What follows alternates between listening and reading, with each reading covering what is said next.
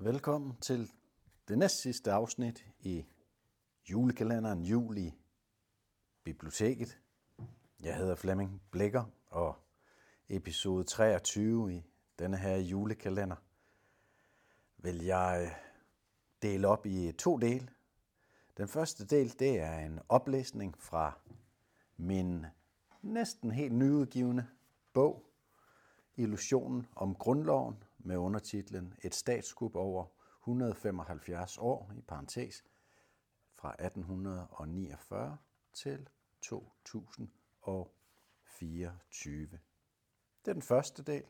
Del nummer to, det bliver simpelthen en hyldest til kongehuset, til statsrådet, til regeringen og Folketinget.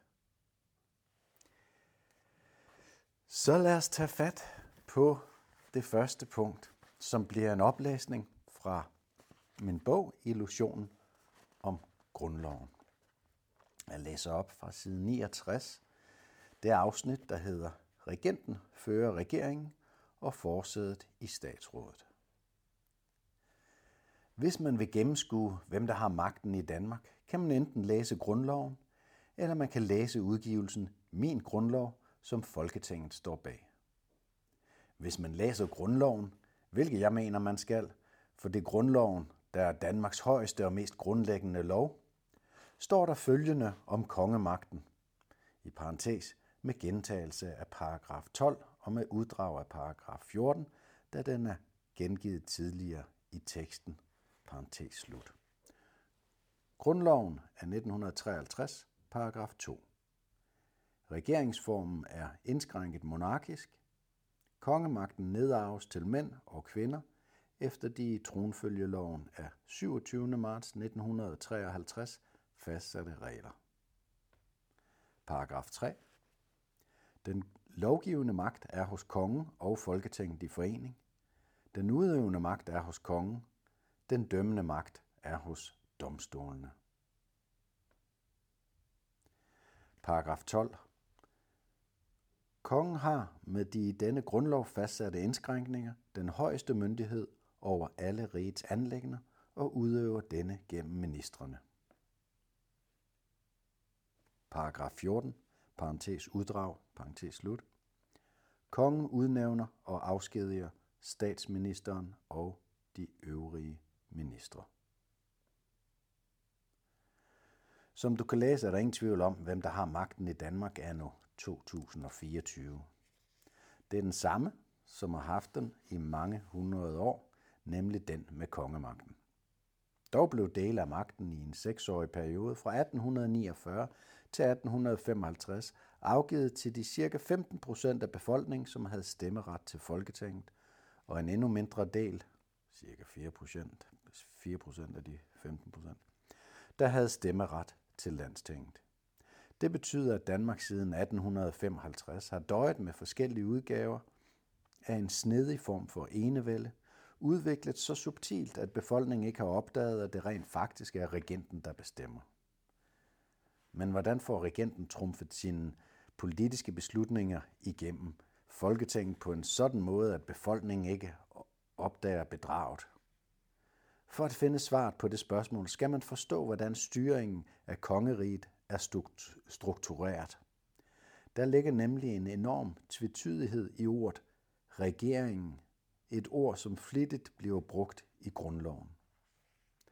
Danskerne mener, at de godt ved, hvad regering betyder. For det har de fået at vide i hele deres liv, nemlig at det er en statsminister og de resterende ministre, der tilsammen udgør regeringen. Det er sådan begrebet portrætteres af pressen. Men det er også meningen, at danskerne skal forstå det sådan. Men rent statsretligt er ordet regering i samtlige grundlove fra 1849 til 1953 blev brugt om det samlede statsråd, som inkluderer regenten, der fører forsædet, det vil sige leder statsrådet. I den første grundlov bruges ordet regering endda hele 11 gange, og hver gang i den betydning, at ordet regering betyder statsrådet inklusiv kongen.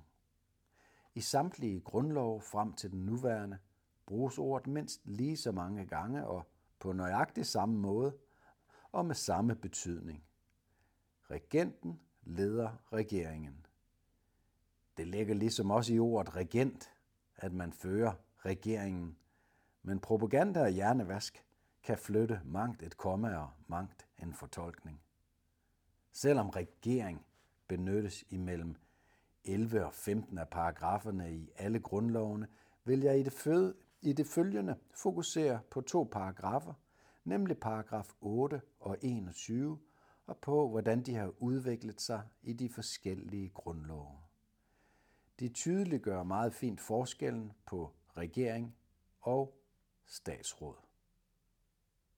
Det er også vigtigt at bide mærke i begrebet statsråd, for det er netop også en instans, som bliver brugt til at fuldende bedraget. Det faktum, at kongen ikke sad i statsrådet i 1849, men at det først skete ved vedtagelsen af grundloven, grundloven, grundloven i 1855 afslører, hvordan dette statskup foregik. Kongen, regenten, fører endda forsædet ifølge samtlige grundlov fra 1855 og frem. Således står der i paragraf 2 og 21 i junigrundloven fra 1849. Grundloven 1849, paragraf 8. For inden kongen tiltræder regeringen, aflægger han for den forenede rigsdag følgende ed. Jeg lover og sværger at holde Danmarks riges grundlov, så sandt hjælpe mig Gud og hans hellige ord. Er rigsdagen ikke samlet ved tronskiftet, nedlægges eden skriftligt i statsrådet og gentages siden for det forenede rigsråd. Paragraf 21. Ministerne i forening udgør statsrådet. Forsædet føres af den, som er kongen er udnævnt til premierminister. Alle lovforslag og vægtige regeringsforanstaltninger forelægges statsrådet. Dettes ordning samt ministeransvarligheden bestemmes ved lov. Det er tydeligt, at kongen tiltræder regeringen og at fortsat føres af premierministeren, det som i dag er statsministeren, som også udvælges og udnævnes af kongen. Bed derfor også mærke i, at begrebet regering rangerer over statsråd. Det er kun den sidste paragraf, der rigtig ændrer sig i 1855. Og fordi man i 1855 skulle have hertugdømmerne med i forfatningen, sker der en del fortyskninger. Man ændrer statsministerbetegnelsen fra premierminister til konselspræsident. Og statsrådet bliver derfor også ændret til geheimstatsrådet for hvert af landene og rigsrådet for hele staten. Og det er så her, der kommer lige øh, lidt forklaring.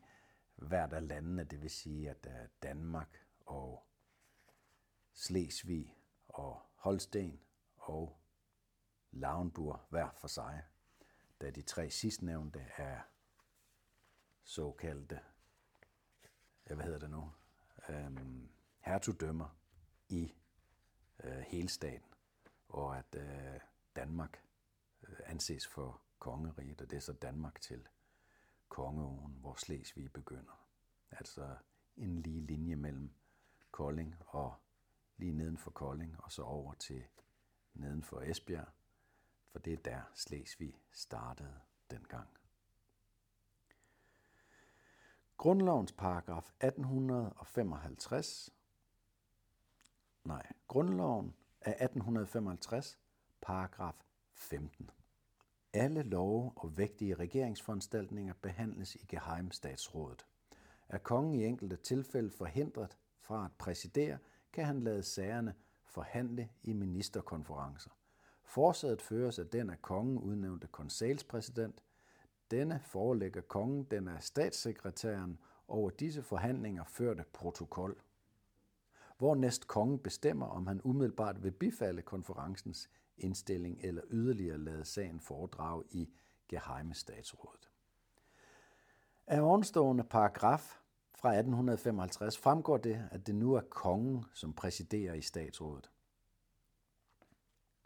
Det gentager sig i 1863-udgaven, hvor ovenstående paragraf dog var spredt ud over flere paragrafer. Det var også kongen, der styrede det særlige rigsråd fra 1855 til 1863, som var den overordnede regering for hele riget, altså for hele staten. Det var nemlig kongen, der udpegede medlemmerne i rigsrådet. Det generelle mønster gentages i samtlige grundlov frem til den nugældende. Dog ændrer forsikringen, altså eden, der fremsiges, sig i 1920 fra at være mundtlig til at være skriftlig. Muligvis fordi man skal kunne vise den på skrift for de nye danske statsborgere i Sønderjylland, da Nordslesvig nu indlemmes i riget. I den nugældende grundlov fra 1953 er ordlyden af de to paragrafer blevet til det følgende. Grundloven 1953, paragraf 8. For inden kongen tiltræder regeringen, afgiver han skriftligt i statsrådet en højtidelig forsikring om ubrødeligt at ville holde grundloven. Af forsikringsakten udstedes tvende lige lydende originaler, af hvilken den ene overgives Folketinget for at opbevares i sammes arkiv, den anden nedlægges i Rigsarkivet. Kan kongen som følge af fraværelse af andre grunde ikke umiddelbart ved tronskiftet afgive denne forsikring, føres regeringen indtil dette, sker, indtil, dette sker af statsrådet, med mindre anderledes ved lov bestemmes. Har kongen allerede som tronfølger afgivet denne forsikring, tiltræder han umiddelbart ved tronskiftet regeringen. Paragraf 17. Styk 1. Ministerne i forening udgør statsrådet, hvor i tronfølgeren, når han er myndig, tager sæde. Kongen fører forsædet undtagen i det i paragraf 8 nævnte tilfælde, og i det tilfælde, hvor lovgivningsmagten i henhold til bestemmelsen af paragraf 9 måtte have tillagt statsrådet myndighed til at føre regeringen. Styk 2. I statsrådet forhandles alle love og vægtige regeringsforanstaltninger. Nu bliver det for alvor tydeligt, at det er kongen, regenten, der har overtaget den fulde magt i kongeriget. Den med regeringsmagten fører simpelthen forsædet i statsrådet. Det er også tydeligt, som jeg tidligere har været inde på, at, at regeringen er et højere rangerende begreb end statsråd. Det er derfor ikke statsministeren, der fører regeringen, for det er den med kongemagten, der gør det, altså kongen, eller i tilfælde af en kvindelig tronarving, tronarving dronningen. Som nævnt tidligere modsiges, modsiges dette af pressen, politikerne, eksperterne og de øvrige kommentatorer, der konstant fortæller folket, at regering betyder statsminister og de øvrige ministre til sammen. Men er det også sådan, Folketinget forstår tingene, altså at dronningen og statsrådet rangerer over statsminister og ministerne og Folketinget? Svaret er mærkeligt nok et stort nej. Eller det er i hvert fald det, der bliver kommunikeret ud officielt, mens der alligevel slipper nogle sandheder om formaliteterne ud mellem sidebenene. Det skete for eksempel, da Ellemann Jensen, altså Jakob Ellemann Jensen, sammen med Mette Frederiksen og Lars Løkke Rasmussen skulle præsentere SVM-regeringen efter valget i november 2022. Her kunne Ellemann over for en journalist berette, at han betragtede statsminister Mette Frederiksen som en slags mellemleder, mens hans chef var hendes majestæt, dronningen, eller hun blev det i hvert fald, efter han havde været på Amalienborg. I november 2023 bliver Socialdemokrat Morten Dalin udnævnt til minister og udtaler til pressen, at han er ydmyg over at indtræde i situationstegn, hendes majestæt, dronningens regering, situationstegn, slut. Hermed slutter jeg oplæsningen fra Illusionen om grundloven. Den her bog på 106 øh, sider, som bærer undertitlen Et statskup over 175 år, altså fra 1849, den første, første grundlov, frem til 2024. Det år, vi står på tærsklen til, det år, hvor vi skal fejre grundlovens 175 års fødselsdag. Gav vide, om vi skal fejre grundloven 175 års fødselsdag ved at kigge på, hvad der faktisk øh, står i den?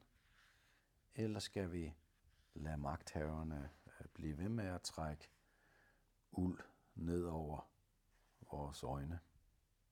Jeg håber, at det er klart for, for dig, efter at have lyttet til det, jeg har oplæst her fra bogen, at, at når vi snakker om regering, så er det sådan rent juridisk. Øh, det kan godt være, at man skriver en artikel i, i et øh, dagblad, eller et dagblad skriver en, skriver en artikel, og, og hvor de ligesom refererer til øh, regeringen, hvor de så refererer til de her 20, 22 eller hvor mange ministre, øh, der er, inklusiv statsministeren, som ligesom øh, så i så fald er regeringslederen. Men altså rent øh, juridisk og, og ifølge vores øh, grundlov, så er regenten øh, dronningen, og det er også hende, der fører forsædet i øh, statsrådet. Og regeringen, det er øh, regenten og statsrådet øh, samlet.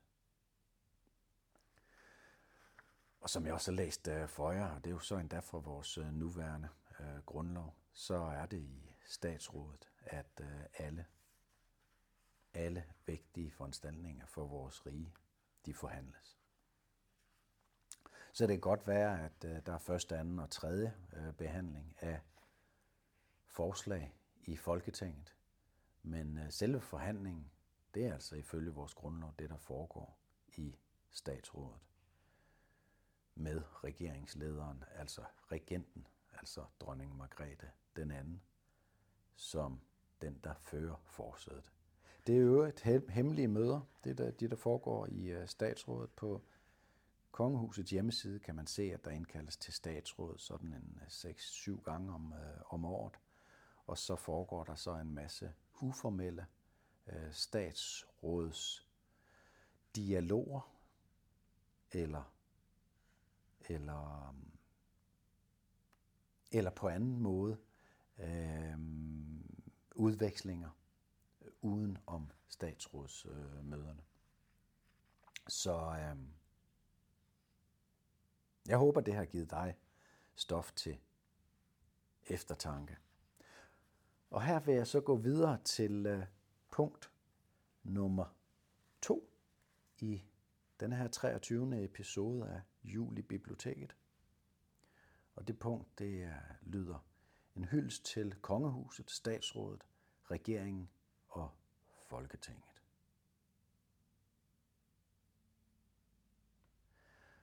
Og her er vi så kommet frem til slutningen af denne episode, dette julekalenderafsnit på lille juleaftens dag, 23. december 2023. Jeg ønsker dig en god lille juleaften.